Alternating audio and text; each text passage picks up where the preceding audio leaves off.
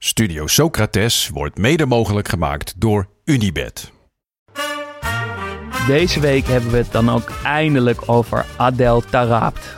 Een van de weinige echte The Streets Won't Forget voetballers. Een man die je niet moet beoordelen op rendement, maar puur op schoonheid. Een speler die van zijn trainer bij QPR een boete kreeg als hij op eigen helft de bal aanraakte. En verantwoordelijk voor een van de meest opmerkelijke transformaties die wij ooit zagen. Há muito tempo você está no meu caminho. Como posso esquecer?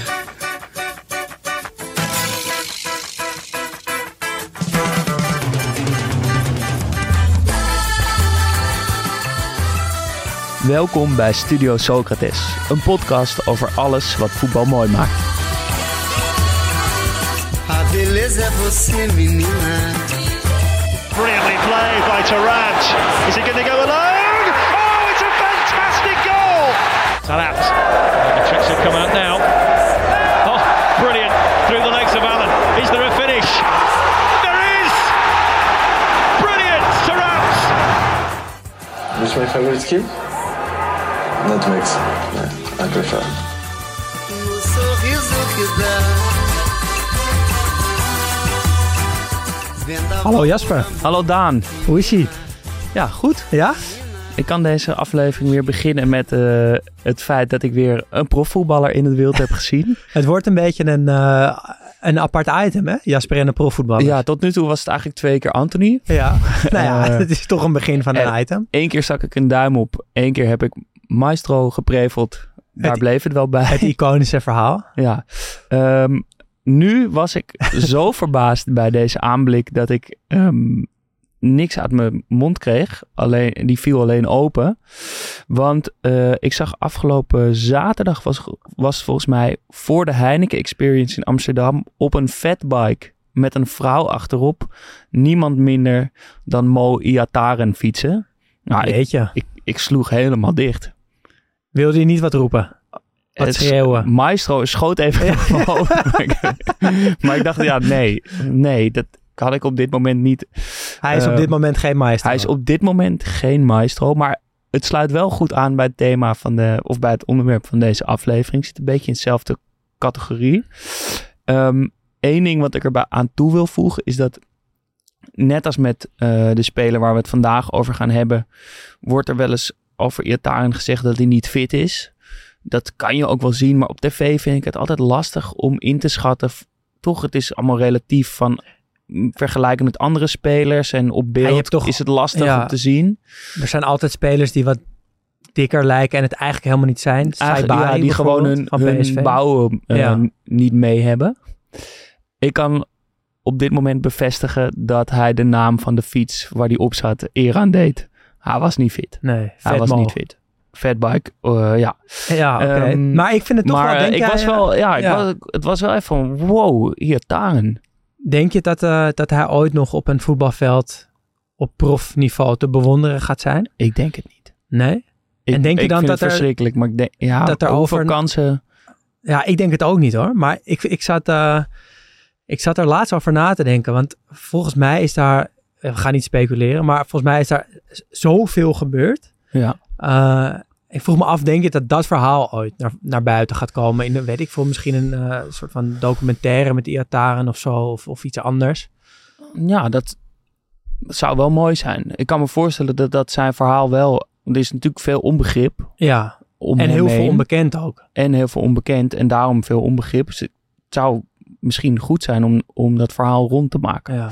Ah ja, Eh, maar het past wel ook eh, in, de tran- in, de, in deze week. Ja, ja, want we gaan het hebben over Taraap. Dat hebben jullie natuurlijk in de opening eh, al gehoord. Ehm, maar voordat we daarmee gaan beginnen, wil ik toch ook nog even één dingetje melden wat mij is opgevallen. Fijn. Ehm, ik heb hier natuurlijk een, eh, in de zomer en, en vlak daarvoor de Hooligan Cumbia lijst geplukt. Mijn afspeellijst op eh, Spotify met, ja, met Hooligan Cumbia. een hele specifieke muzieksoort. En eh, nu zag ik dat de Ajax rond is met Gaston Avila. De linksback, linker centrale verdediger van, eh, eh, van Antwerp. En die eh, heeft ook bij Boca gespeeld. En er circuleert een filmpje op internet dat hij na het winnen van een prijs op het veld zit met een hele snelle zwarte zonnebril op. omringd door lege pizzadozen en champagne. En dat uh, La Cumbia de los Trapos, een van de lekkerste hooligan cumbia nummers, die schalt uit de speakers. En je bent expert inmiddels. Ja. Jij herkende het meteen. En uh, die verslaggever, ja, die hoort het natuurlijk ook, want die is ook in het stadion en die loopt naar Avila toe. En ze hebben een praatje in het Spaans en op een gegeven moment zegt hij iets van, ja, zing even een paar, paar zinnen mee. En dan, en dan doet hij dat dus. Hij pakt de microfoon. Hij pakt de microfoon en hij zingt mee. En ja, dat plus, plus, plus, plus, plus achter zijn naam. Uh, die komt nu binnen als een hele grote meneer voor mij. En ik kan gewoon niet wachten tot er ook in de arena Hooligan Cumbia uit de speakers uh, schalt. Als dat gebeurt... Dan is de cirkel ja, rond. Dan, is de cirkel dan word je misschien rond. toch weer fan van Ajax. Ja, ja. uh, maar we gaan heel snel naar Taraap. Want volgens ja. mij ze maken er veel luisteraars een klein sprongetje toen ze die naam in hun uh, Spotify of uh, podcastlijst ja. op zagen poppen. Want het gonst al een tijdje. Het is ons veel aangeboden. Ik denk eigenlijk vanaf dag één dat het ja. al gonst. Waar, waar ik toch een beetje verbaasd over was eigenlijk. De meest aangevraagde voetballer ja. En, uh, maar dit heeft nog een extra verhaaltje bij ons. Namelijk, uh, nou het was mijn beurt om een speler uit te zoeken. En ik vind dat spel van een speler uitzoeken steeds leuker worden. Ik krijg er steeds meer plezier in om jou ook een beetje uit te dagen met het onderwerp. We hebben geen veto. Nee. Als jij kiest, dan, is, dan moet ik het daarmee doen. En, en andersom. Um, Zijn er spelers afgevallen eigenlijk deze week? Of was, wist je gewoon dit woord hem? Mm, nou, nou, er, er grond ze gewoon een paar namen. Ja. En uh, deze oh, pakte ik net als bij Lingo uit die bak. en uh, Daaruit was de groene blauwe bal. was een groene bal, ja.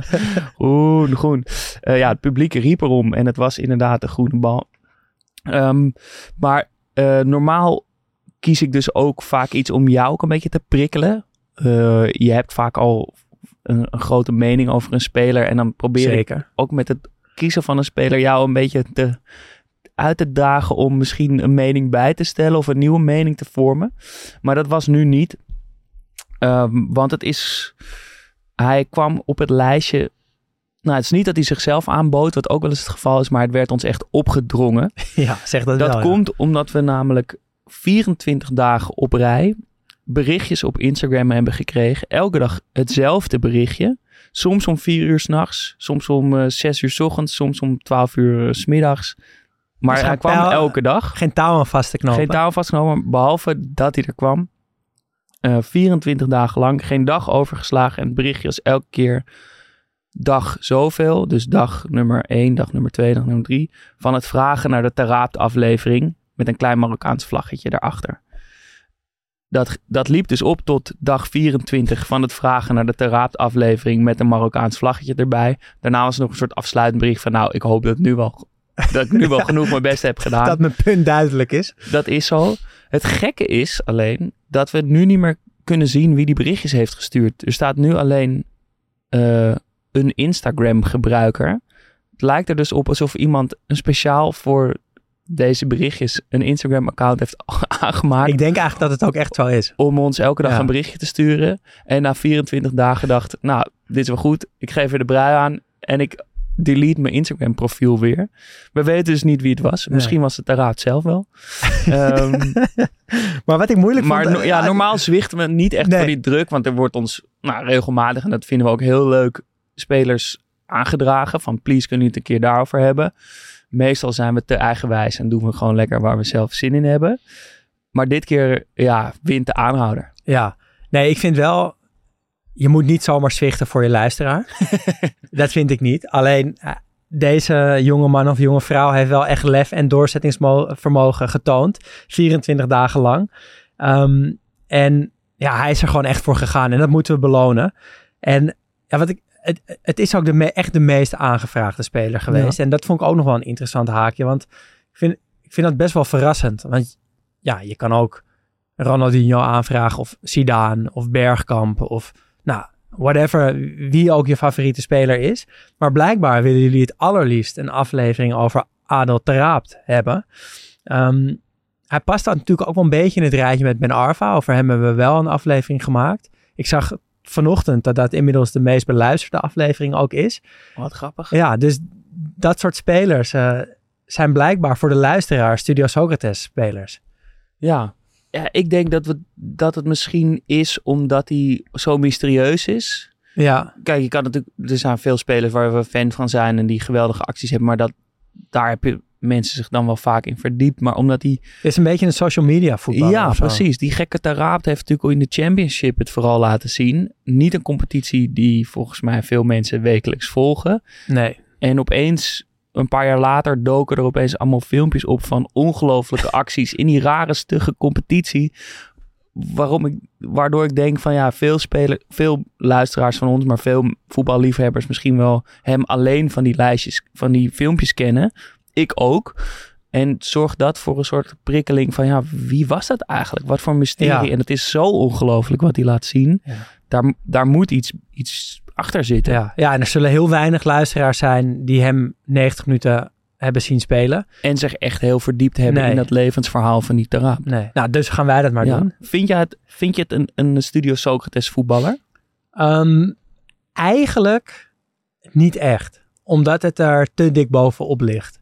En ik vind een Studio Socrates voetballer vind ik net wat, eh, wat subtieler of zo. Dat je net iets meer moet zoeken naar wat, wat hem dan zo speciaal maakt. Ehm, of dat er net, net één specifiek dingetje is... eh, ja, wat je triggert en wat in je hoofd blijft hangen en wat er niet uitgaat. En dat je dan een keer denkt, oké, ik ga erin duiken. En bij Taraabt is ja, ligt het er zo dik bovenop dat het een bijzondere Ja. speler is. Maar het, het, is, ja, het is niet heel subtiel of heel Ja, en gevoelvol of zo. laten we eh, duidelijk zijn dat wij niet van tevoren een profiel van Socrates voetballers hebben geschetst. Nee, het is voor ons niet. ook een beetje, Ja, het ontstaat een beetje, de Socrates voetballer. Nu met onze vrijdagafleveringen komt er een wat duidelijker profiel. Er komt gewoon een heel duidelijk elftal uitgerold. Maar ja, wij leren ook langzaam wat Socrates voetballers zijn. En er, zijn natuurlijk, er is veel te zeggen over waarom Taraabt een aflevering verdient. En ik vind ook dat hij dat verdient. 100 Maar het is inderdaad. De Socrates voetballer heeft vaak iets meer in kleine, elegante, subtiele momentjes dat hij een wedstrijd kan beslissen. Of eh, kleine, geniale momentjes waar je beter voor moet zoeken. En de raap is gewoon de bal ophalen voor de verdediging, het hele veld over. Weer terug, nog een keer een paar mensen een panna geven en dan hem, hem in de bovenhoek schieten. Nou, dat dan niet. Dat laatste niet. Nou, som, ja, nee, ja, heel af en toe gebeurt het natuurlijk wel. Ehm, eh, maar toch, ja, misschien daarom ook weer wel. Omdat het, moet- soort van, dat hij dat zo is, dat het, Ja. de, de kunst van het meer is meer, dat, ja, misschien dat hij daardoor toch ook wel weer Socrates wordt. Hij moet een aflevering hebben en die, eh, nou, die gaat er dus al komen. Die is er. En ehm, voordat we verder de diepte induiken, eerst weer even een korte introductie. Eh Adel Tarabt is een Marokkaanse middenvelder, opgegroeid in Frankrijk. Eh, hij debuteerde in 2006 in het profvoetbal bij Lens. Daar speelde hij maar één wedstrijd in het eerste. en toen kocht Tottenham Hotspur hem al. Hij debuteerde daar onder leiding van Martin Jol. Vond ik een, een leuk feitje.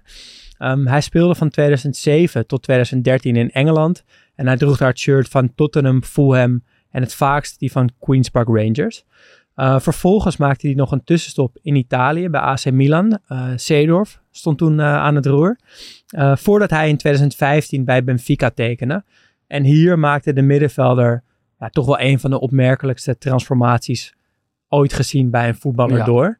Daar gaan we het zo meteen uitgebreid over hebben. Uh, na Benfica voetbalde hij nog even bij Genoa. Ging terug naar Benfica. En staat nu onder contract bij Al. Hij is 34 jaar. 24 mei 1989 is hij geboren. Um, dicht bij jou. Ja, we Zag schelen vijf dagen. Ja. Ik ben 29 mei 89. Schept ook een beetje een band. Ja, kan ik me voorstellen, ja. Ja, wat vooral opvalt toch als je dat lijstje zo opnoemt. Ja, dat, dat rommelen in die championship, dat, dat, dat wisten we wel. Maar de stap naar Milan is heel raar. Want hij wordt natuurlijk wel om, vanwege zijn talent vaak genoemd bij topclubs. Er is even sprake van naar Real of Barça. Of, maar ja, hij laat het eigenlijk nooit zien. Maar de potentie blijft toch altijd een beetje aan hem kleven. Dus heel raar is het niet. Maar hij gaat met, toch met een soort ruzie weg bij Queen's Park Rangers. Dat duurt een paar uur. En dan opeens maakt hij die overstap van Championship naar meteen naar Milan. Ja, Um, dat is toch wel het meest opvallende misschien wel. Eh, ik las een interview met Seedorf, die dan net aangesteld is als eh, coach bij Milan. Waarin hij een interview geeft dat hij zegt hoe blij hij is met Balotelli en Taraabt. Ik heb Seedorf hoog zitten, maar het spreekt niet voor zijn mensenkennis dat hij zo Nee. blij is met deze twee enfants terribles die het dus ook bij Milan eh, niet hebben laten zien. Nee, en Seedorf zelf ook niet als trainer. dan. En Seedorf zelf ook niet. Wat was jouw eerste herinnering eigenlijk aan Taraabt? Ja, ik denk dat dat net, nou wat ik net al zei, het, het is de, de, de compilatiefilmpjes en dan met name The Streets Won't Forget. ja, Ja, is aan een- inflatie onderhevige term natuurlijk. ja waar, die we even, die regels moeten we weer even strak aantrekken. Ja, Ehm, want wat is een The Streets Won't Forget voetballer? Ehm, en bestaat hij eigenlijk bestaat hij eigenlijk wel? Wat, wat betekent het? Maar ik, ik heb deze zin even ontleed. The streets won't forget. En volgens mij kunnen we twee criteria formuleren die in deze zin besloten liggen. Namelijk, ze zijn vergeten.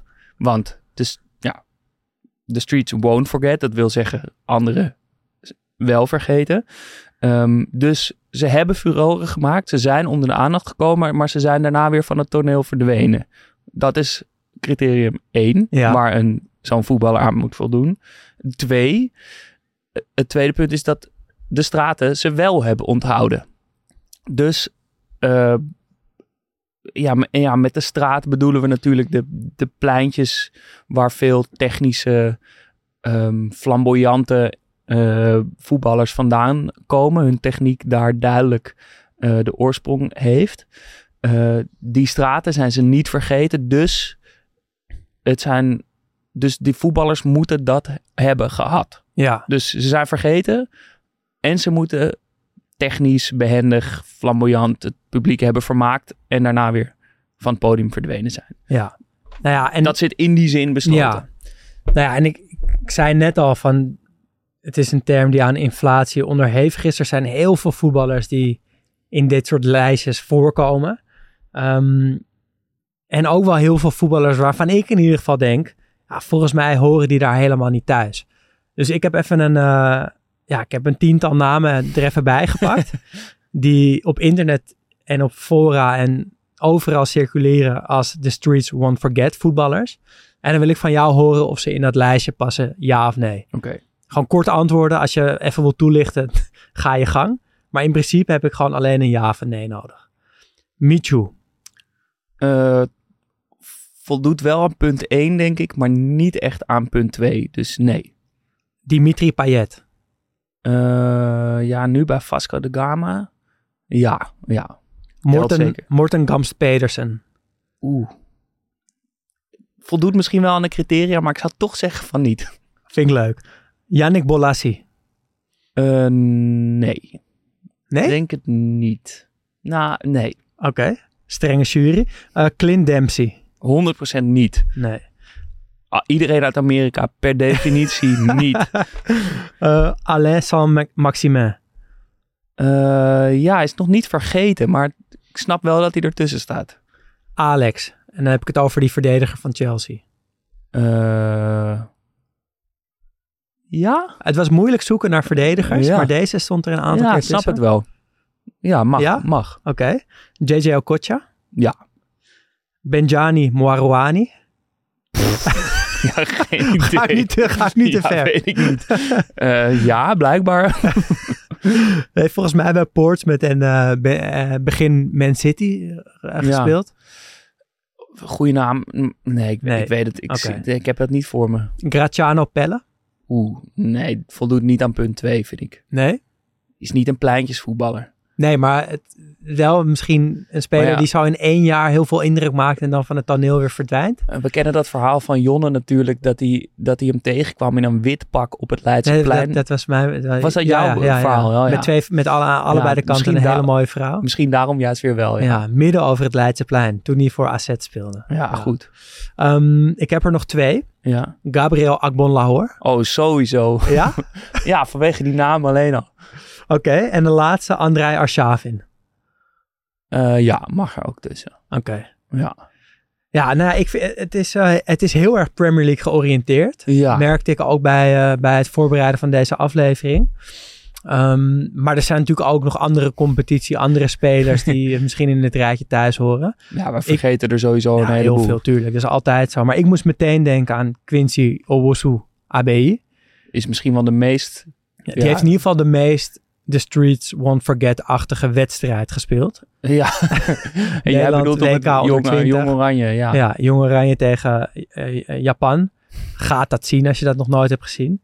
Noah Lang, jouw mannetje. Nee, want die, die, die klimt nu het Oké. wereldtoneel op. Die zijn we nog lang niet vergeten. Ik moest zelf nog denken aan Soufiane Boufal. Mooi. Dat vind ik er echt eentje. Ehm Tafsan van NEC vind ik er misschien ook wel eentje. Is die niet nog te jong om te kunnen zeggen? Ja, maar misschien is wel, maar een geweldige dribbelaar. ik voel het bij hem wel. En Ja. altijd een beetje ondergewaardeerd. Ja, eh, ik dacht, ja, Tanane. Ja. eh Aysati. Is het een mooie voetballer. Ja. Eh, Lukoki. Mm, Eén panna. Ja, panna vind ik te weinig. Vanenburg. Ja. De eerste Ja. echte st- st- straatvoetballer misschien wel. Ja, in onze generatie is hem wel zeker een klein beetje vergeten. Nou, Goed, er zijn ja, er gewoon heel mooi veel. Ja, de, ja je kan, het, dat is jammer met zo'n term. Net als de GOAT. Ja, dat, dat, je moet die regels strak. Er kan maar één GOAT zijn. En ja, met, je kan niet iedereen Streets Nee. Won't Forget noemen. Ehm, goed, we, ga- we gaan eh, door naar het te raapt. Ehm, ik, dacht, ik, wil, ik dacht misschien beginnen met, met zijn handtekening. Ik heb heel wat eh, compilatiefilmpjes zitten kijken. De eerste die ik keek was ook een eentje die in de titel The Streets Won't Forget had. Ehm, ja, het is, het is zeker in zo'n compilatiefilmpje is het ongelooflijk. Wat er het meest naar voren komt is één panna die hij veel geeft. Ehm, hij, Tarabt is stijf rechts. Dat Ja. komt ook wel naar voren. Maar hij komt vaak een beetje links op het veld uit. En dan rolt hij de bal met onderkant voet, met zijn rechtervoet, dus een beetje naar, naar links, naar zijn linkerkant. Ehm, want die verdediger die, die schermt natuurlijk de binnenkant af. Dus hij, hij, Hij lokt eigenlijk de verdediger, die verdediger toe. daarmee een beetje naar buiten. En dan verschuift hij opeens zijn gewicht naar zijn rechterbeen. Waardoor hij een beetje zo schuin komt te staan. En dan tikt hij met zijn rechtervoet de bal met de buitenkant voet on, tussen de benen van de verdediger door. Dan snijdt hij zo mooi voorlangs. En dan kan hij in één keer door. In dat Streets Won't Forget filmpje zie je de- deze panna, deze beweging echt zonder overdrijven twintig keer. Zeker. Minstens. Dit is gewoon zijn trucje. En die heeft hij. Dit is gewoon wat Robben eh, kan. Je weet dat hij het gaat doen, maar je bent hulpeloos, want hij gaat er gewoon door je benen heen. Ja, en dat is ook gewoon dat je weet dat hij dat kan. Ja. En dat het dan toch lukt, dat lijkt je ook te zien bij, bij zijn tegenstanders. Want die, je ziet aan hun lichaamshouding dat ze heel erg voelen van... Kut, we zijn erin getrapt. En weet je, iedereen, iedereen krijgt wel eens een panna. Ook hele goede voetballers krijgen hem wel eens. Maar je kan ook een panna krijgen en voelen dat het een beetje geluk was. Of Ja. dat het ja, een beetje per ongeluk misschien wel was. En dan is het echt wel minder erg om een panna te krijgen. Maar bij Taraap voelt het anders. Want ik heb echt het idee dat de tegenstanders zijn gewaarschuwd door elkaar. Misschien wel door de trainer. Van ja, let op die Taraap. Je weet wat hij gaat doen. Nou, die, die stokken bij elkaar. Ehm, en als je hem dan in het heetst van de strijd. Als je hem dan alsnog krijgt. dan ben je gewoon doodziek. En dat, dat is soort van de echte waarde van een panna. Gewoon dat je weet dat je hem kan gaan krijgen. Dat je alles eraan doet om hem niet te krijgen. Maar hem toch krijgt. Ja, en dat, dat heeft daar raad gewoon. En ze stoppen ook bijna met voetballen. Zo van, ja, godver, ik ben er, ik ben er echt weer ingetuind. je ziet even het moment van berusting. Koppie gaat omlaag. Ja, en Schouders moedeloos naar beneden. ja, die lichaamstaal is zo mooi. En het, het zegt ook wel wat over de statuur van Daraapt als, ja, als Panamannetje eigenlijk. Het, het, het is wel een echte. Ja, en wat, die panna staat denk ik ook symbool voor denk, wat ik denk ik na het zien van die- al die filmpjes de grootste kwaliteit vind, is zijn vermogen om van zijn koers te verleggen. Ja, Hij heeft een, ja natuurlijk met die looplijn die, als hij dus een beetje naar de linker buitenkant gedreven wordt, is het de perfecte beweging om juist weer naar binnen te snijden. Ehm, als je met je linkervoet, zeg maar, die bal binnenkant linkervoet weer naar rechts moet zien te krijgen, dan neem je eigenlijk de buitenbocht. Dan gaat die bal, maakt een hele grote draaicirkel eigenlijk. En meer dus tijd om te meer reageren. tijd om te reageren. En door met rechts zo strak eventjes snel naar, naar rechts te wippen, Er zit zo'n mooi zo'n soort klein binnenbochtje. Ja.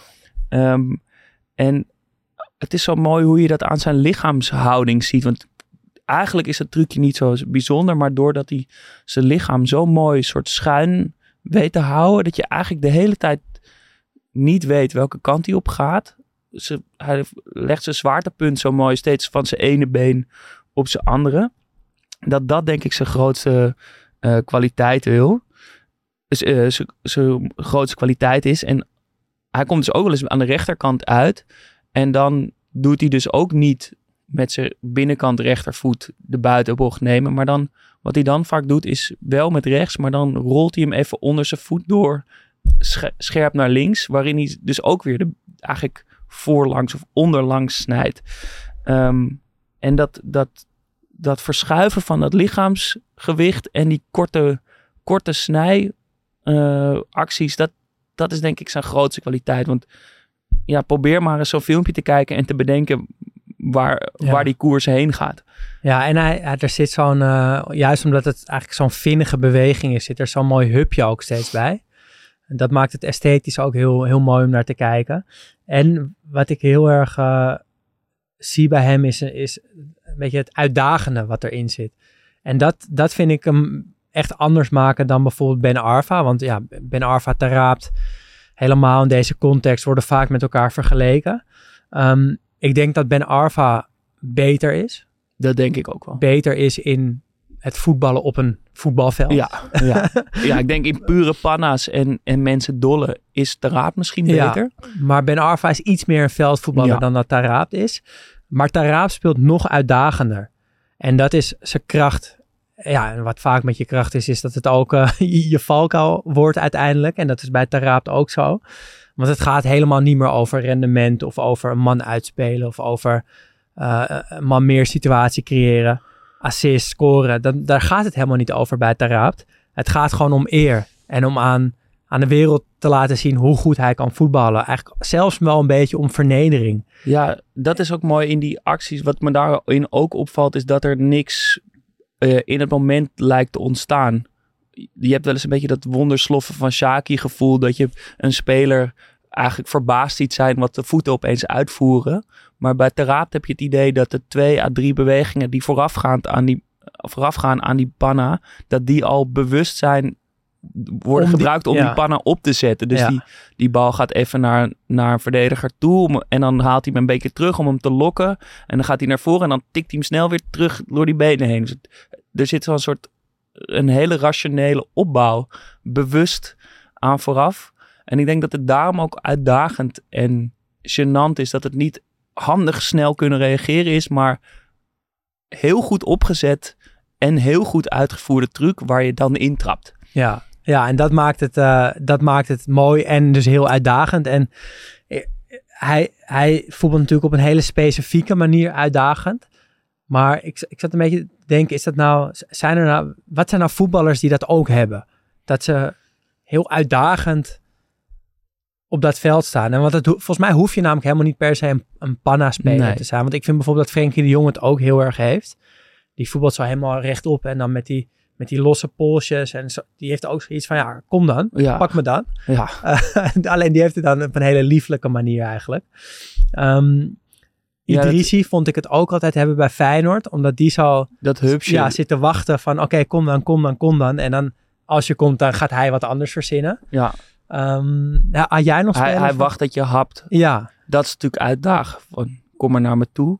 Ik dacht Mares. Die Ja. houdt hem zo mooi onder zijn, onder zijn lichaam. En dan, ja, die, die, die doet het er misschien. Die probeert toch ook nog wel een beetje je weg te kappen en voor lul te zetten. Bukayo Saka, die is ook niet bang om, om te kijken wat er gaat gebeuren. Ja, die straalt het in, in, niet per se, vind ik, in zijn speelstijl of zo uit. Maar dat, hij is volgens mij gewoon... Hij vindt het zo leuk Ja. om te voetballen dat dat Zo- ook bijna uitdagend Dat is. of hele vrolijke Ja. aan hem, dat, dat is uitdagend. Dat je, dat je denkt van, oh ja, nou, het, mislukt nu, maar ik ga het hierna Ja. nog tien keer proberen. En ik- daarna weer en daarna ik geniet weer. ervan. Eh, Mooie kwaliteit vind ik het. Ja, het is een goede kwaliteit. Eh, het, kan, het kan een beetje cynisch zijn soms, omdat het wel om een soort persoonlijke eer gaat. Maar ja, Sommigen verheven dat ook weer tot kunst. Ik dacht, voor, voordat we misschien ook een beetje kanttekeningen zetten bij de carrière van Teraat, want die zijn er echt wat te, te zetten. eh, even naar zijn hoogtepunt. En dat is bij Adel heel makkelijk aan te eh, eh, wijzen wat dan dat hoogtepunt is. Het is namelijk het seizoen 2010-2011 voor QPR in de Championship. Dat is ook namelijk het eerste seizoen dat hij een echte contractspeler is bij een club met vertrouwen op het hoogste niveau. Of nou, ene hoogste niveau. Ehm, hij speelt die, die ene wedstrijd voor Lans. Dus hij krijgt daar nooit ja, de kans om heel- een soort voet, voet aan de grond te krijgen. Hij wordt heel vroeg al Hij weggehaald. wordt weggehaald door Tottenham. Naar achteraf, denk ik gezien, het verkeerde moment was naar de verkeerde club in de verkeerde competitie voor hem. Hij krijgt er ook nauwelijks een kans in drie seizoenen. Eh, speelt maar 16 keer. Dan volgt zijn eerste huurperiode naar QPR, waarin hij het goed doet, maar ja, nog steeds hu- huurspeler is en je jezelf toch moet zien te bewijzen als buitenstaander in zo'n selectie. Helemaal volwaardig ben je dan nog niet. Je, voelt weinig vertrouwen. Maar dan in 2010 wordt die overstap definitief. Is hij voor het eerst echt een basisspeler met een vast contract. Met een trainer die in hem gelooft, Neil Warnock. Die maakt hem ook aanvoerder. Die denkt, ik moet hem prikkelen. Ik geef hem alle ruimte. Sterker nog, hij eh, geeft hem ook alle vrijheid om alleen aan te vallen. En verbiedt hem zelfs om mee te verdedigen.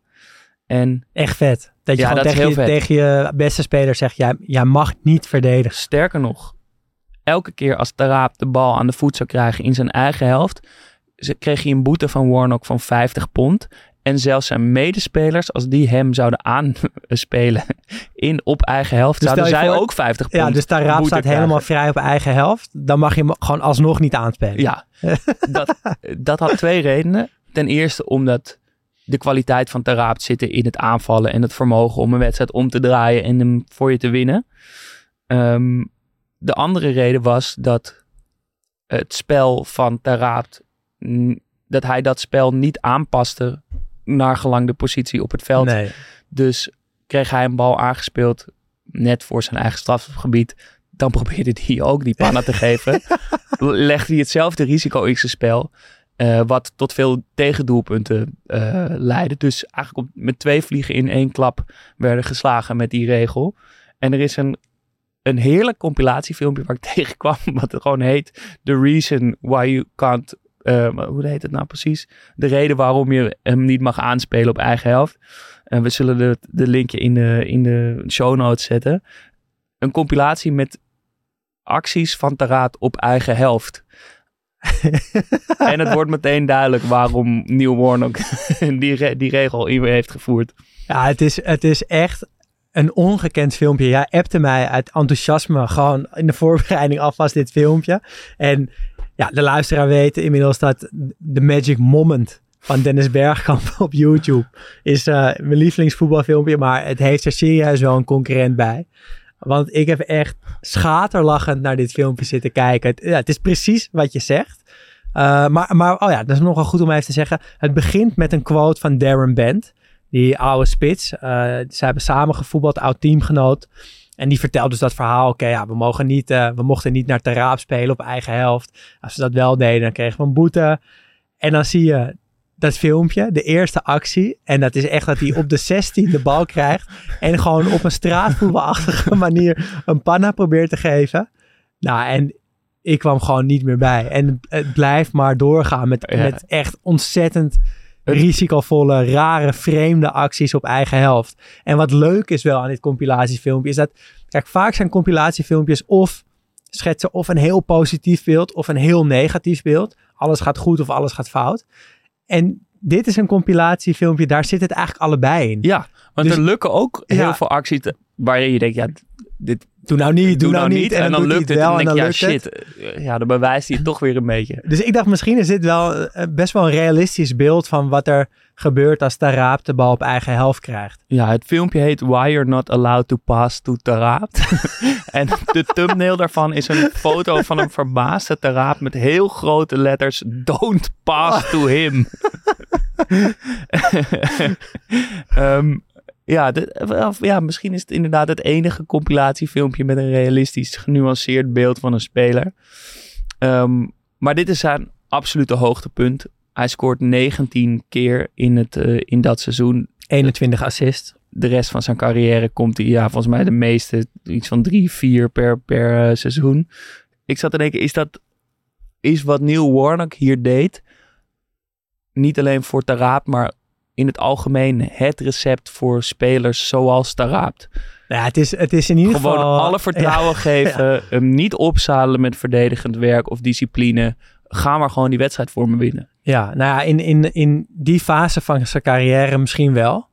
Uh, en er zit ook heel veel duidelijkheid bij. Ik denk dat dat voor iemand als Taraap ook goed is. Van, het is niet, er zit geen grijs gebied. Je hebt gewoon die lijn in het midden van het veld. en daar kom je gewoon niet overheen. Um, maar later in zijn carrière, daar gaan we het zo meteen over hebben. Maar alvast een heel klein tipje van de sluier. Zie je dus dat het, het kan ook anders. Je kan hem ook op een andere manier tot grote hoogte uh, laten stuwen. Um, dus er zijn meerdere manieren, denk ik. Alleen op dit moment in zijn carrière, dus hij is nog, hij is nog vrij jong, uh, onvolwassen in zijn spel, ja, was dit misschien wel de enige manier. Ja, wie weet als Iataren of zo ook aanvoerder was gemaakt ja. en niet over de, de middenlijn mocht komen. Ja, ja. maar ja, die had natuurlijk Iataren uh, nou ja, als, persoonlijke problemen. Ja, dat precies, maakt het maar anders. dit soort spelers, ja. Ben Arfa. Ja, het, is, het is eigenlijk een heel raar experiment, wat in dit geval goed uitpakte. Op een heel raar, uh, bij een hele rare club, in een hele rare competitie ook dat nog is, eens. Dat is ook zo grappig, ja. Want als je Taraapt in een competitie zou moeten plaatsen, dan, dan zou je waarschijnlijk zeggen La Liga. Ja. Of misschien de Serie A, dat, die, dat het allemaal ietsje trager gaat misschien. En waar je altijd wel een paar spelers hebt die iets exceptioneels kunnen en misschien wat minder in het verdedigen hoeft te doen. Maar de championship, daar, daar past hij eigenlijk helemaal niet met dat kick-and-rush voetbal. Maar ja, dat is dus wel de competitie waar hij zijn enige uh, goede, goede seizoen heeft, uh, heeft gespeeld. En het is ook wel mooi dat Sterling, die zat toen in de, Raheem Sterling zat in de jeugd bij QPR. Die werd in die tijd echt heel groot fan van Taraat. En dat is, natuurlijk is het heel spectaculair, maar als je het een beetje gaat ontleden, heeft hij, heeft hij ook best wel het totaalpakket. Want hij is technisch natuurlijk superieur. Um, hij is ook echt sterk. Want je ja, ziet heel, valt ook heel op. vaak dat hij ja, met zijn hand zo schuin erachter gewoon tegenstanders echt van zich weg kan houden. Hij heeft een hele goede versnelling ook met bal. Dus in twee passen is hij, is hij weg gewoon. Is hij, is, is hij de verdediger kwijt. Ja, het lukt hem alleen gewoon nooit. Behalve één seizoen dan, om het aan rendement te koppelen. Um, en ik denk dat het misschien wel een van de beste spelers geweest is die ooit in de championship heeft gevoetbald. Uh, ik zag een lijstje met, er staat bijvoorbeeld ook wel Jamie Vardy bij, uh, Garrett Bill.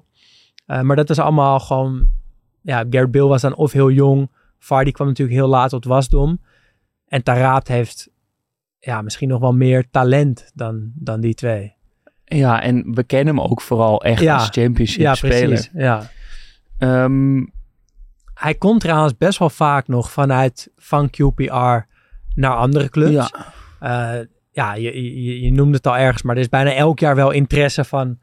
Ja, dan is het weer Paris Saint-Germain dat genoemd wordt, dan weer Juventus. Uh, en ook Liverpool werd een aantal keer genoemd. Uh, en Darren Bent, in dezelfde podcast geloof ik, die wijt daar een keer over uit. Van ja, Tarabt kon, kon elke zomer naar, naar de top van de Premier League. Maar hij wilde niet.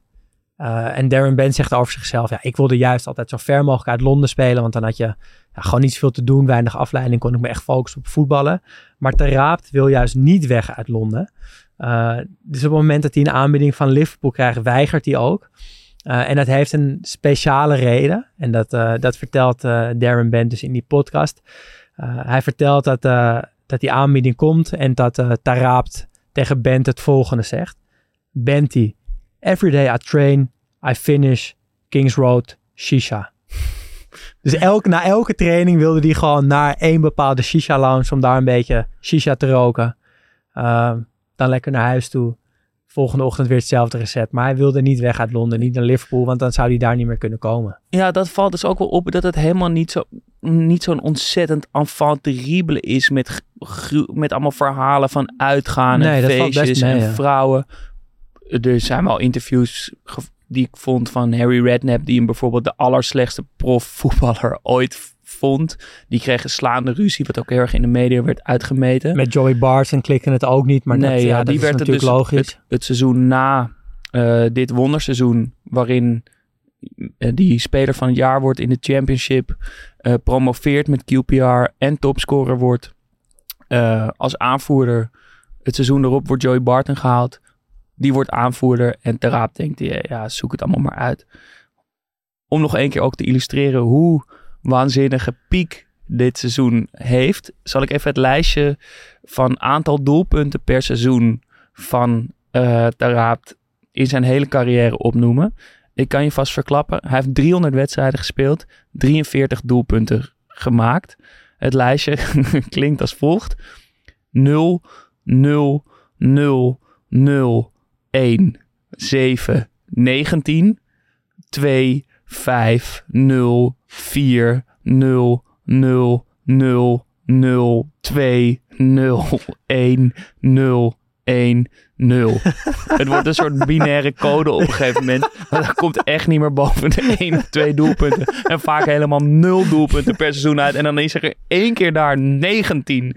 Eh, ja. Zijn de helft van al zijn doelpunten in zijn carrière bijna. Hij heeft in één seizoen bijna de helft van al de doelpunten ooit gemaakt. Ja, het is, ja, ja, dat draagt nog een keer bij aan die rare status die, die Ja. hij daar in dat, bij dat gekke QPR heeft.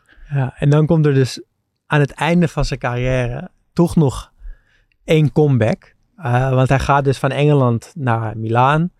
Eh Seedorf, 14 wedstrijdjes, vijf doelpunten. Volgens mij zijn één na beste seizoen ooit. Of zijn twee na beste seizoen.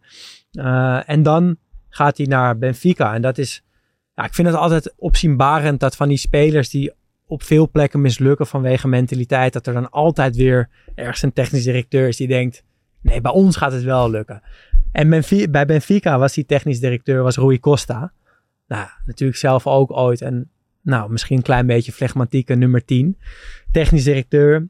eh, en die haalt Taraap. Die sluit aan in een lange rij van bewonderaars. Want Sterling was fan, zei ik net al. Bij Tottenham was Modric was groot fan. En nu Rui Costa dus fan. En die legt uit in een interview dat, ja, dat ze niet over één nacht ijs zijn gegaan. Dat ze tientallen wedstrijden van hem bekeken hebben. Eh, voor, de voor de buitenwereld lijkt het misschien een gok, maar dat was het niet. En dat blijkt ook wel uit het feit dat ze hem niet een prestatiecontract geven of een contract voor één jaar. Nee, ze geven hem een contract, bam, vijf jaar. Gewoon een, een lange termijn visie. We hebben een plan met je, kom bij ons. Dan gaan we je, nou ja, word je een van de beste middenvelders van de wereld misschien wel. En toch lijkt het in eerste instantie weer totaal te mislukken. Want hij speelt in zijn eerste seizoen zeven wedstrijden. En in de zomer geeft hij een groot interview bij Frans Voetbal. En daar smeekt hij andere clubs om hem daar weg te halen. Eh, president Boos, eh, die zegt, nou ja, gelukkig is ons netwerk zo goed. We krijgen hem wel weg. We hoeven hem hier ook niet te hebben. Dus dat huwelijk lijkt te stranden na één jaar. Hij gaat naar Genua. Hij wordt er anderhalf, uur, anderhalf eh, jaar uitgeleend. Ook geen succes. Sturen hem op een gegeven moment terug naar Lissabon. Nou, daar wordt hij gestald bij de reserves, want ze hebben het wel gezien. Uh, dus daar moet hij in de tweede moet hij zijn wedstrijdjes gaan voetballen. En er is er één heel veelzeggend filmpje uit uh, nou, de reservecompetitie in Portugal. Benfica speelt, ik geloof tegen, dat het tegen Lissabon is, maar dat weet ik niet helemaal zeker. Uh, er komt een corner. Daar raapt Shock naar de cornervlag. Neemt een aanloopje van niks. En trapt hem totaal ongeïnspireerd met zijn vreef die die corner trappen. Nou, de bal komt bijna niet van de grond en stuitert tegen het zijnet van de goal aan. En je ziet al zijn medespelers heel moedeloos omdraaien, naar de grond kijken, naar hem kijken van Jezus, waarom staat deze man hier nog op het veld? Als je het niet leuk vindt, ga dan weg, weet je wel. Maar dan gebeurt er dus toch nog iets magisch, want met nog anderhalf jaar contractduur wordt Bruno Lage, ik weet niet of je het zo uitspreekt, maar in ieder geval de trainer van Benfica B, wordt doorge, doorgezet naar het eerste. Uh, en de tacticus denkt, ja, ik ga het toch nog één keer proberen. Ik neem Taraaps neem ik mee. En ik ga hem niet op linksbuiten opstellen. Ik ga hem niet op nummer 10 opstellen. Ik ga hem als nummer 6 gebruiken. Dus net als Neil Warnock bij uh, QPR geeft hij hem heel veel vertrouwen, maar dan op een andere manier. Want eerst was het zo, je mag niet op eigen helft komen, je mag daar de bal niet aanraken. En nu is het eigenlijk zo, je moet daar de bal komen halen. Je moet daar juist staan en je moet daar juist je acties maken. En het wordt ja, een soort van Frenkie de Jonge-achtige rol inleveren bij Taraat en die gaat het verzinnen. En het werkt. En ja, hij verliest soms nog de bal. Uh, en ja, hij gaat soms op zoek op eigen 16, uh, op de lijn van eigen 16 naar een panna. Maar het werkt, want hij speelt echt hele goede potten tegen Ajax in de Champions League, tegen PSV in de voorronde van de Champions League, tegen Barcelona in de Champions League. Hij heeft opeens een soort van verantwoordelijkheidsgevoel. Hij, heeft, hij is 10 kilo kwijt, uh, nummer 6, nog nooit zo hard gewerkt, zegt hij zelf. Ja, wie had het ooit gedacht? Echt een metamorfose. Ik, ik weet dat ik, ik dacht dat hij eigenlijk al lang in de vergetenheid was geraakt. Ja. En zijn voetbalschoenen aan de wil had gehangen. Uh, en opeens was daar dan ook een ander uiterlijk, langer haar, veel dunner, ja. ander type. Hey, is dat die Taraap van de Streets Won't Forget filmpjes? ja. ja, het was zo. En het is daarmee ook, denk ik, heel, ja, wat ook pijnlijk is. Want het, het, het doet, het, het geeft ook te denken wat er gebeurd zou zijn als. En dat, dat hou je natuurlijk altijd. Maar ik denk namelijk dat die move naar Tottenham misschien wel zijn grootste fout is geweest. Helemaal in het begin van zijn carrière. Helemaal in het, carrière, in het begin van zijn carrière. En dat, ja, dat klinkt misschien gek, maar ik heb het gevoel dat het zo anders had kunnen lopen. Uh, natuurlijk heeft hij het er zelf ook wel naar gemaakt. En uh, had hij dat kunnen omdraaien. Maar ik heb het idee dat als die eerste move misschien beter of op een beter moment was geweest, dat die visueuze cirkel, cirkel waar hij in is geraakt, misschien wel de andere kant op had kunnen gaan. Uh, hij werd ge geboren in uh, Marokko, verhuisde op jonge leeftijd naar Zuid-Frankrijk. Um, en wilde op een gegeven moment het liefst naar Spanje. Het was dichtst bij huis. De competitie lag hem beter. Um, maar hij werd gescout door een scout van Arsenal. En uh, die had een goed verhaal. Hij zag zichzelf wel bij Arsenal uh, spelen.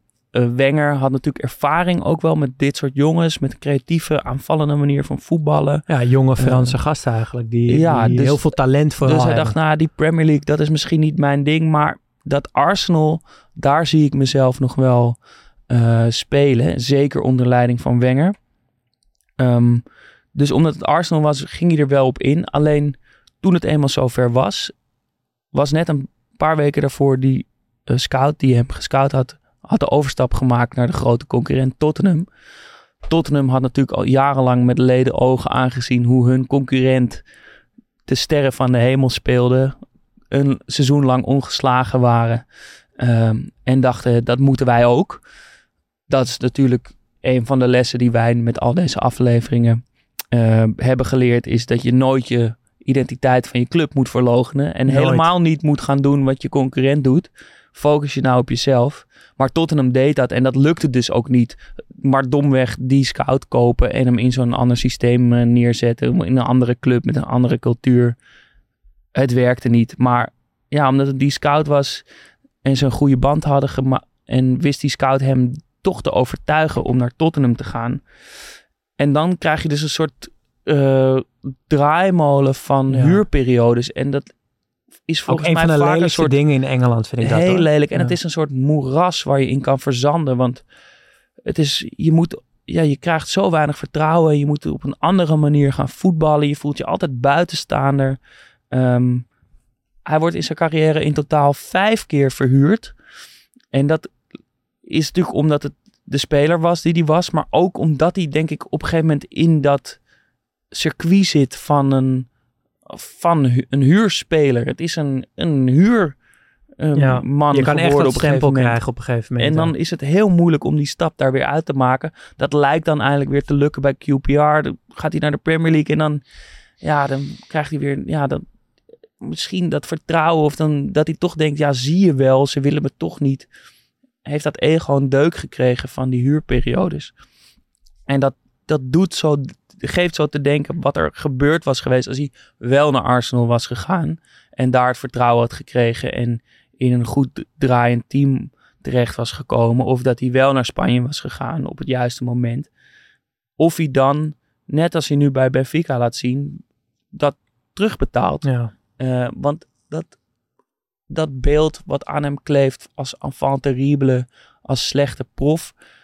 is denk ik veel genuanceerder. En komt dat ook omdat hij nooit echt misschien de kans heeft gekregen. Ja, nou, het, het, het, eh, een voetbalcarrière, dat hangt echt... Tenminste, de keuzes die je daarin maakt, ja, dat, dat weten we inmiddels. Ja. Na zoveel afleveringen, dat is zo, zo belangrijk. En je bent natuurlijk ook overgeleverd aan Ja. de grillen van die voetballerij. Maar toch, ja. Maar ik heb ook zoiets bij Taraat van... Kijk, bij sommige spelers heb ik heel erg van... Jij hebt er te weinig uitgehaald. Wat een lul ben je. Je had beter je best moeten doen. Of je had betere keuzes moeten maken. Eh, en bij Taraat heb ik, heb ik iets- zoiets van... Ja, het zal wel of zo. Weet je wel? En dat bedoel ik niet negatief. Maar hij was gewoon een straatvoetballer... die tegen wil en dank op het veld moest voetballen. Dat gevoel krijg ik heel erg bij hem. Van, hij was zo goed... Ga ga het maar op, op mijn vel doen. Terwijl hij hoort op de straten. Eh, en dan vind ik dat ook wel best dat die carrière een beetje eh, nou, doorkabbelde met, met twee pieken eigenlijk. Eh, dus ja, ik, ik, heb niet zo'n conclusie nodig of zo. Nee. Ik, ik, ik we gewoon nog even twee schitterende momenten eruit pikken. Precies, we moeten hem niet op Ja. zijn rendement beoordelen. We moeten hem gewoon beoordelen op wat hij heeft laten zien. Ja, Dus laten we inderdaad daarover. Wat, ja, wat is jouw. nou Van ja, al die acties, er, er is de er mooiste. eentje en die, die, eh dit is vaak ook wel de opening van die filmpjes. Eh, ja, dan is het normaal veel leuker om iets anders te pakken. Maar ik vond dit zo typisch dat ik moest wel. Eh, het is bij Tottenham denk ik dat hij speelt. En hij krijgt de bal, ja, rolt een beetje naar hem toe. Hij neemt de bal onder zijn voet aan. Hij rolt hem eigenlijk naar voren toe. Verdediger sprint op hem af. Omdat ja, hij laat hem zo ver lopen dat de verdediger denkt, nou, ik, ik ga hem pakken. En dan haalt hij hem net terug en tikt hij hem met buitenkant voet met rechts zo door de benen van die verdediger. En hij doet dat op, op rode Mercurial Vapors. Genieten, heerlijke kiksen. En dit is, dit is echt straatvoetbal. Ja. Dat je dat balletje zal dat lopen in de hoop dat, je, dat, dat iemand instapt en dat je hem dan terug kan halen. Zijn been benen staan open en je kan hem er doorheen leggen. En ja, het mooiste is misschien wel de reactie op het veld. Ja, wat, wat jij zei, de- reactie van, van degene die wordt gepoord, die is natuurlijk heel lekker. Want die Ja. kopjes gaan omlaag en, en die armen gaan even slap naar beneden. Maar in dit filmpje zie je ook heel goed eh, dat zijn medespelers ook reageren op Ja. die momenten. Die zien hem natuurlijk op de training wel vaker dit soort dingen doen. Maar zie je toch het ongeloof als hij het op het veld weet te doen. Eh, en die worden ook weer even toeschouwer van een pleintje. In dit filmpje zie je namelijk eh, Gardner eh, op de rug gefilmd. Je ziet die actie van Ter Raap gaan en dan zie je het ongeloof bij Gardner. Hij slaat zijn armen voor zijn gezicht, zijn handen voor zijn gezicht en, buigt toch even zijn, voorover ja. van jeetje, kijk nou wat... hij doet het echt of zo. Die wordt ook even toeschouwer. Net als, de, net als de verdediger die gepoord wordt. Net als het hele stadion die eventjes uit die wedstrijd omhoog wakker worden. En denken, oh, oh Ja. dit is wel lekker. Ehm, mijn favoriete moment, ja. Het zou normaal bij alle andere spelers die we bespreken... zo'n klein, subtiel, geniaal voetbewegingje zijn. Het onontdekte tussen de regels door, briljante... wat alleen de speler zelf of echte liefhebbers Ja. of zo kunnen Maar een waarderen beetje, je- waar je een beetje je best voor moet doen. Om ja, te waar, zien waar je in moet waarderen. duiken. Ja. Ehm, en er, er, er is wel één zo'n actie van hem, namelijk een, een afgeslagen corner tegen Chelsea met QPR. Die bal wordt weggekopt, komt, gaat in een grote hoge boog. Ja, valt hij iets van 20, 25 Ja. meter van de goal eh, recht voor het doel. Rand Nou, 16, ietsje verder terug. Ja, valt hij neer en Taraap staat daar en legt de bal met één voetbeweging, nou niet dood, maar dat die bal stuitert niet meer en rolt een paar meter naar rechts, waar Sean Wright Phillips aankomt rennen. Het is allemaal gezien door, door Taraap. Legt hij met die voet, stapt hij zo mee naar beneden met die bal en die bal rolt heel mooi door. Sean Wright Phillips schiet hem in lage harde schuiver in de verre hoek. Maar het mooiste daarvan is dat, dat de raap er een paar stappen achter die bal aanzet. Dus hij, hij geeft hem aan Sean Wandelend. Films, maar hij, hij wandelt er even achteraan van. dat hij er wel eventjes nog zo echt wil geven aan hem. Ja, maar en dat hij ook weet van deze bal is perfect. Jij gaat nu schieten. Ik heb het allemaal al gezien, dus ik hoef me ook niet meer vrij te Nee, lopen. ik hoef maar- niet om te schakelen, want Maar hij blijft niet stilstaan. Hij wil Nee. ook toch nog wel Ja. eventjes geven van... ja, dit deed ik. Maar het is niet mijn favoriete moment. het is een moment wat ik bij elke andere speler had gekozen. Maar ik moet de goal tegen Swansea kiezen. ja, meer is meer. Hè? Meer is meer. Bij. Het gaat, het gaat alle boeken te buiten. Het slaat helemaal nergens op. Hij krijgt die bal aan de linkerkant van het veld gewoon aangespeeld. Niks bijzonders. Hij heeft alle ruimte. Geen druk. Er komen wel twee verdedigers een beetje aangewandeld. En dan doet hij eerst een paas terug naar degene van wie hem kreeg.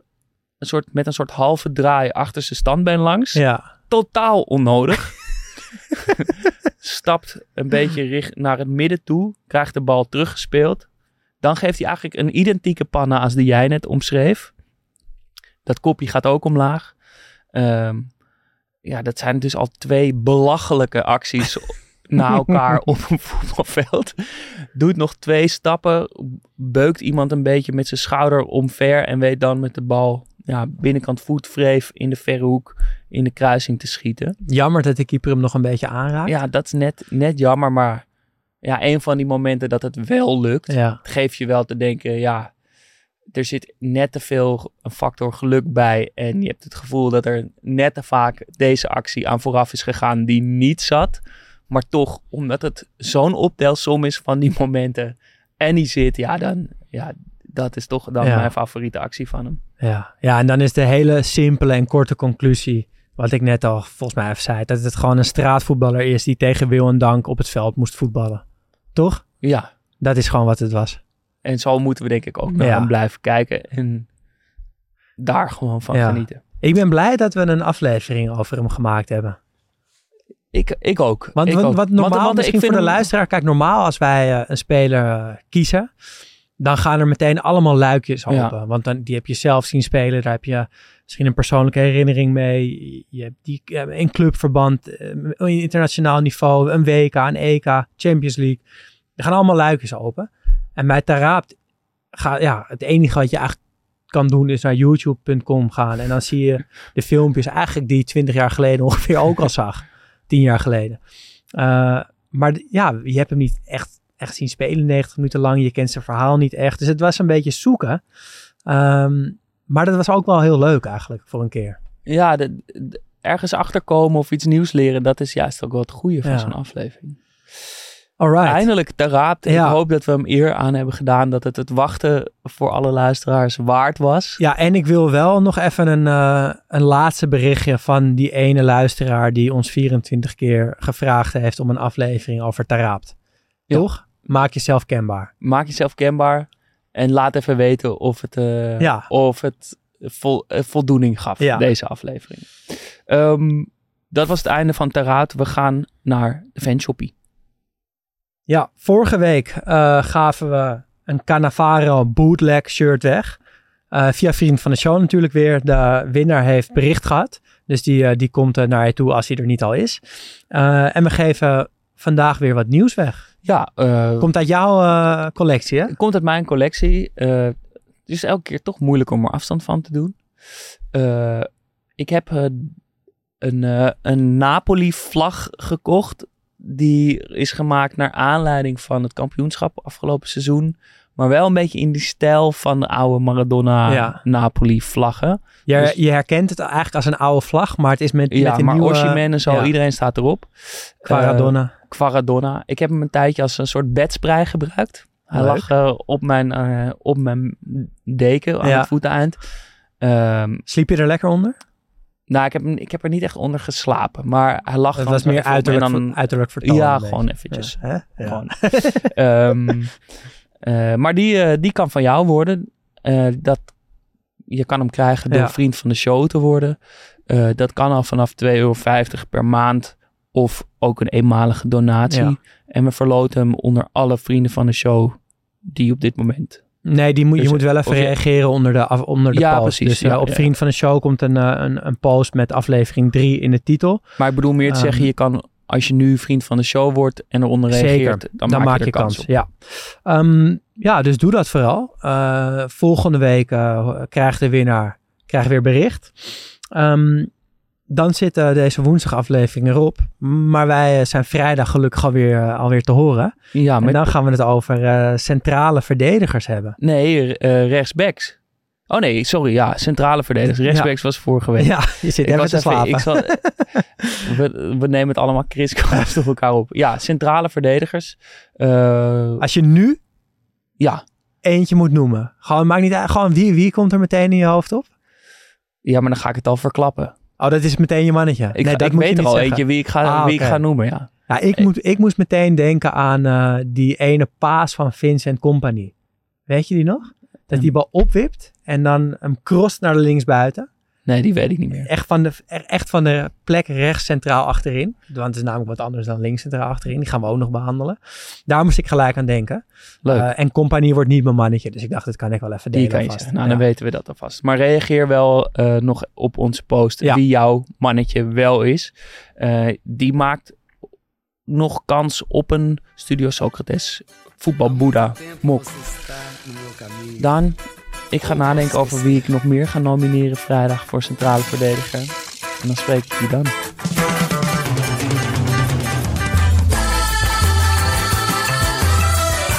Studio Socrates wordt mede mogelijk gemaakt door FC Afkikken. We zijn te vinden op Twitter en Instagram, studio-socrates. Op vriendvandeshow.nl slash studio-socrates kun je ons steunen voor al 2,50 euro per maand. En maak je dus elke kans op een product uit onze eigen fanshoppie. Ja, dus doe dat. Eh, word lekker vriend van de show. Eh, we geven leuke dingen weg. En eh, het is voor ons ook weer een steuntje in de rug. Ehm, je kan ook nog mailen. We hebben deze week een paar mails weer binnengekregen. Dat was leuk. Het zijn vaak wat langere berichten. Altijd fijn om te Ja, lezen. dus als je nou wat van je hart moet, als je ons wat te vertellen hebt, als je vindt dat we het heel goed of heel slecht doen, mail ons. Het heeft toch, geef wat meer gewicht mee, hè, of zo, dan een, eh, dan een Insta-DM. Ja, maar het is niet dat je daarmee voorrang krijgt Nee, op, dat eh, niet. op el- eh, verloting. Nee, dat zeker niet. En Maar het, het kan, wordt wel erg gewaardeerd. Het wordt gewaardeerd en het kan naar studiosocratespodcast.gmail.com. En dan zijn wij er volgende week weer. Tot woensdag. En vrijdag, allebei.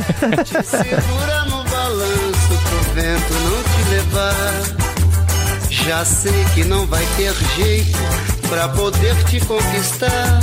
Se você olhar pra mim, menina, vou te amar. Já sei que não vai ter jeito pra poder te conquistar. Se você olhar pra mim, menina, vou te ganhar. Ei, vento, vento, vento no mar. Te segura no balanço pro vento não te levar. Ei, vento, vento, vento no mar. Te segura no balanço pro vento não te levar. Como posso te esquecer? Não tem jeito.